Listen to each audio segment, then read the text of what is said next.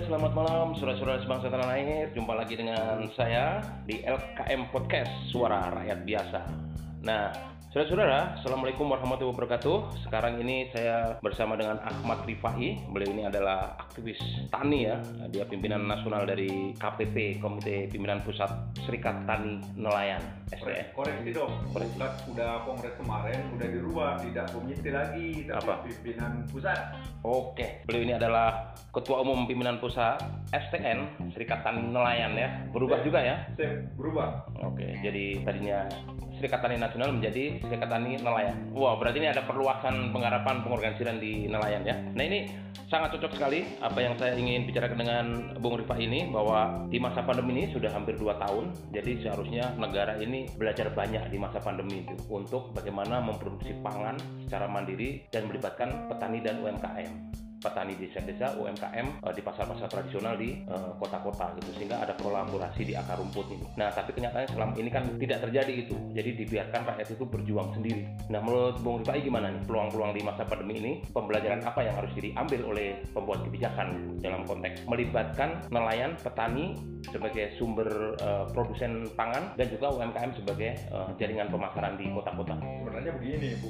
Eh, pelibatan petani dan nelayan itu kan tidak harus dilibatkan pada saat pandemi saat ini ya, tapi jauh sebelum pandemi kan. Betul, maksudnya itu betul gitu. Harusnya kebijakan pangan di Indonesia kan berantakan gitu. Tapi ini pandemi ini ada suatu eh, situasi khusus yang ini bisa menjadi momentum gitu.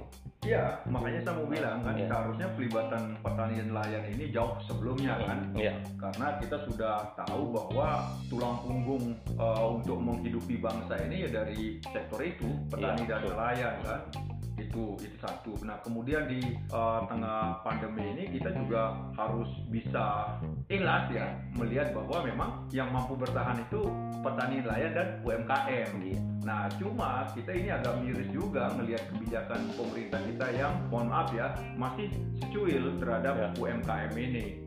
Ini yang menjadi Hmm. keprihatinan kita nih. Nah, sekarang ini pemerintah sangat perlu untuk eh, apa sedikit eh, memalingkan muka ya ke sektor UMKM dan eh, pertanian nelayan ini. Ya. Karena mereka ini Bentuk adalah- konkretnya apa yang harus dilakukan oleh pemerintah ini untuk memaksimalkan atau mengoptimalkan peran eh, petani nelayan dan UMKM gitu. Ya, kalau kalau- sekarang ini kan kalau kita ngomong dengan apa yang dilakukan oleh pemerintah, pemerintah sudah bilang, oh itu kan sudah kita memberikan bantuan ini, bantuan itu, bansos segala macam itu. Iya, begini Wan, misalkan eh, kalau kita mau konkret itu ya pemerintah harus tentunya memberikan satu untuk petani nelayan ini kebutuhannya sama ya, Hmm. UMKM. Iya. Secara umum mereka butuh modal. Ya.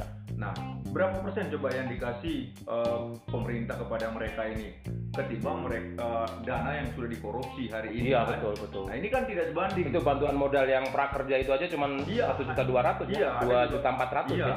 itu tidak sebanding. Iya. Dan apa yang bisa dilakukan oleh petani? Makanya tidak salah kalau petani itu terjerembab di ijon-ijon, ijon utang, Rentenir juga. rentenir itu. Iya. Begitu juga dengan UMKM. Makanya sekarang marah itu adalah pinjaman online Online. online pinjol itu.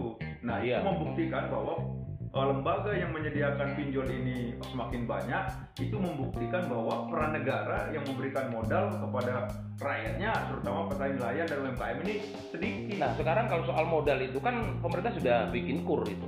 Ya.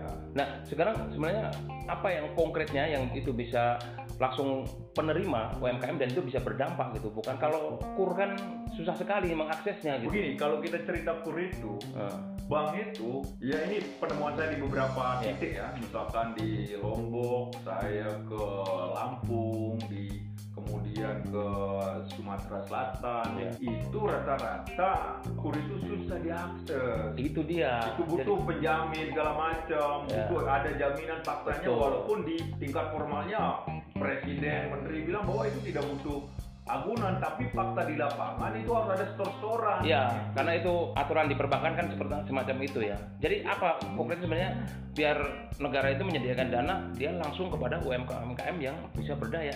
Bukan yang sudah eksis selama satu tahun atau enam bulan sebagai syarat menjadi makmur padahal yang harus dibantu kan yang masih belum ada ini Ya masih kalau kalau idealnya di pemerintah ini satu melakukan pendataan terhadap UMKM kita kan mulai jenis dan jumlahnya itu satu. Yang kedua mengkelompokkan eh, petani dan nelayan ini Hmm. kemudian menyatukan dalam koperasi atau unit itu baru lewat sana yaitu penyihatan eh, organisasi-organisasi Nah itu Bung. Rifai, mohon maaf saya potong. Jadi ini kan Kementerian Koperasi ketika tahun kemarin saya ketemu dengan eh, orang-orang Kementerian Koperasi, ya mereka sudah melakukan itu gitu. Tapi kenyataannya di lapangan enggak gitu. Nah konsep seperti apa yang seharusnya dipakai itu kalau kita tanya soal modal mereka sudah bilang kok. Kalau mereka bilang klasterisasi atau pengelompokan terus bikin koperasi baru, mereka sudah lakukan katanya gitu. Nah, tapi kenyataannya kita tahu Ya prinsipnya misalnya nih di kami di eh, Serikat Nelayan pelibatan organisasi massa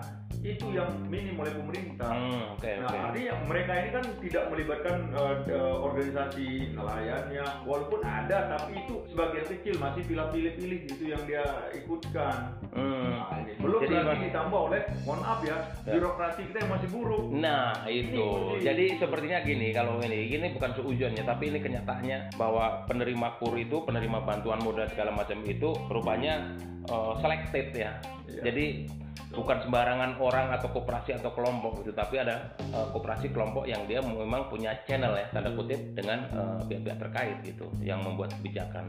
Nah tapi ini sekali lagi kembali ke pan- pandemi ini karena kalau menurut saya pandemi ini bisa menjadi pembelajaran yang khusus sehingga kebijakannya juga bisa luar biasa gitu terobosan misalnya di Jabodetabek ini kan sudah ada ribuan warteg yang bangkrut karena mereka nggak punya pasokan nggak punya ini segala macam Kak, kalau ini dikolaborasikan ini ya entah itu nanti melalui koperasi atau jaringan apa segala macam dengan penghasil bahan makanan dari desa-desa gitu itu langsung aja jadi pemerintah itu melakukan pembelian langsung ke warteg Ya. jadi bukan memberikan beras ke warga, tapi beras itu diolah di dapur-dapur warteg ya di UMKM ini dan itu distribusikan kepada warga gitu. warga. Nah bisa, sebenarnya itu bisa. Ini kan misalkan di eh, Pandeglang nih, Hmm. di jaringan taninya kita, cabang-cabang kita itu banyak yang menghasilkan eh, kol, sayur, Ya, kacang itu. panjang segala macam ini. Ini juga sebenarnya dia dapat kesulitan untuk eh, menjual.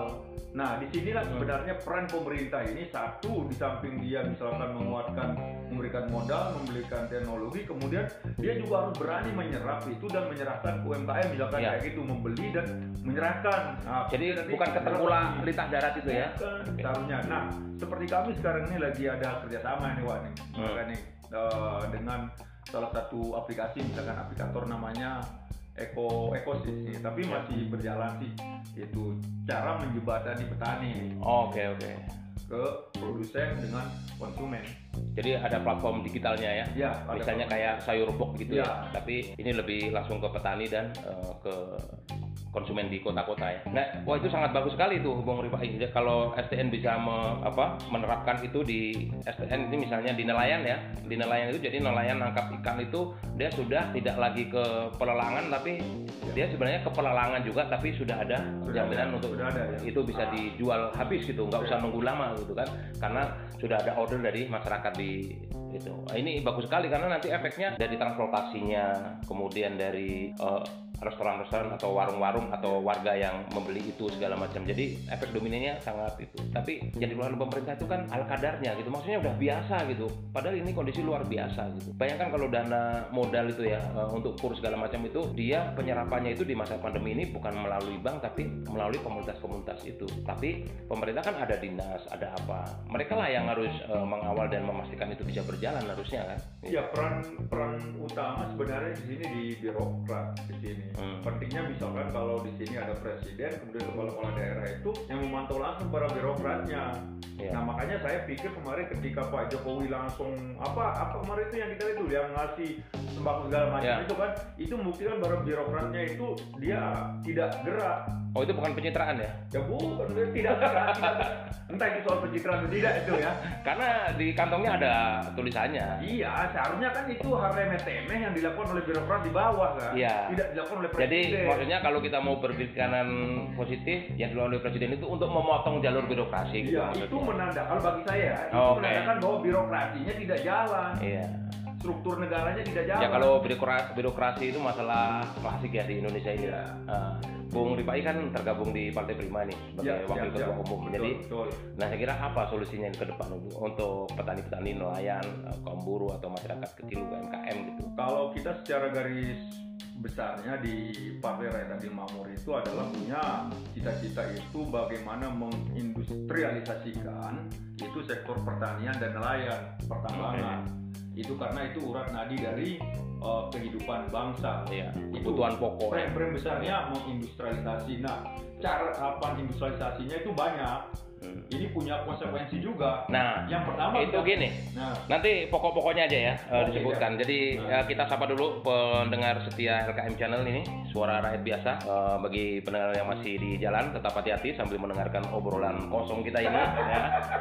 Obrolan Jadi kosong sih. ini ojol-ojol driver online yang masih di jalan sambil tugas amanah yang luar biasa untuk mengantarkan penumpang ya sambil ngobrol asik kita ini biar bisa apa punya referensi apa yang terjadi di masyarakat dan apa sebenarnya yang bisa kita suarakan dari rakyat biasa ini gitu. Nah, seperti tadi lanjutkan Bung Pai eh, tahap-tahap industrialisasi di pertanian dan nelayan ini apa kira-kira? tahap-tahap industrialisasi nasional kita itu pertama itu bagi saya dan Prima itu adalah pertama kali itu adalah menyelesaikan soal tanah, soal agraria. lahan ya. Karena basis industri itu adalah lahan kan, baik tempat berdirinya pabriknya, kemudian tempat Bercocok eh, tanam. bercocok tanam segala macam. Ini harus clear dulu soal soal ini. Makanya pentingnya yang namanya reforma agraria itu Reforma agraria yang pertama. dipimpin langsung oleh eh, pemerintah itu satu yang kedua itu adalah membuat konsepsi soal industrialisasi seperti apa tentu dengan melibatkan ahli-ahli kita guru-guru besar kita banyak nganggur semua ini profesor-profesor kita ini Iya.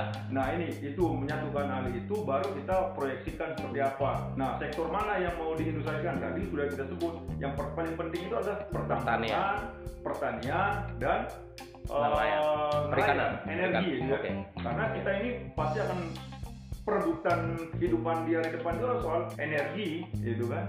Uh, soal pertanian perikanan Wah, ini saya kira eh, Prima ini punya program industrialisasi nasional berarti ya. iya Wah itu saya kira nanti kita lanjutkan untuk diskusi itu. siap boleh Kalau boleh. perlu nanti kita kopi darat aja, Boleh. kita podcast yang video. Siap, ini kan boleh. baru audio nih kita Boleh. untuk mengawali ini. kita tunggu Ya, ini perbincangan 13 menit kita ini mudah-mudahan bisa bermanfaat ya, Bung Rifai. Amin, Nanti amin. kita lanjutkan. Ada waktu luang di masa pandemi ini kita produksi saja, produksi eh, gagasan kita biar kita eh, sebarkan ke masyarakat agar masyarakat bisa punya motivasi, semangat di masa pandemi ini. Eh, hal yang positif adalah bagaimana mencari jalan keluar secara strategis ke depan ya. Siap, Apalagi tiga tahun lagi ada momentum pemilu, Pemilu. 2024. Nah, kalau sekarang ini masyarakat dicekoki dengan isu-isu yang tidak produktif, tidak dilibatkan dalam pencarian solusi politik ke depan, saya kira nanti 2024 mereka akan digiring melalui money politik dari transaksional. ya akan sama Dan- lagi hasilnya Nah, itu makanya bagaimana kita ini eh, terutama Bung Rifai di Prima dan kita semua yang ada di Partai Rakyat Adil Makmur bagaimana bisa memberikan pemahaman itu kepada masyarakat gitu kan Siap, siap. biar nanti mereka punya referensi di tahun 2024 itu siapa yang harus dipilih Iya. partai-partai yang sudah eksis dan menjadi antek-anteknya oligarki atau partainya rakyat biasa kan begitu Bung Ya, Rifai intinya kan Prima ini adalah partai politik yang memandang bahwa politik adalah kerja bersama. iya betul karena partai politik adalah alat politik rakyat Iya, biasa betul, ya. betul, Oke. betul. Sip. Ya, terima kasih Bung Rifai. Sekali lagi pendengar yang masih di jalan, tetap fokus lihat ke depan. Semoga selamat sampai tujuan. Tetap terapkan protokol kesehatan. Wassalamualaikum warahmatullahi wabarakatuh. LKM Podcast, suara rakyat biasa. Salam sehat.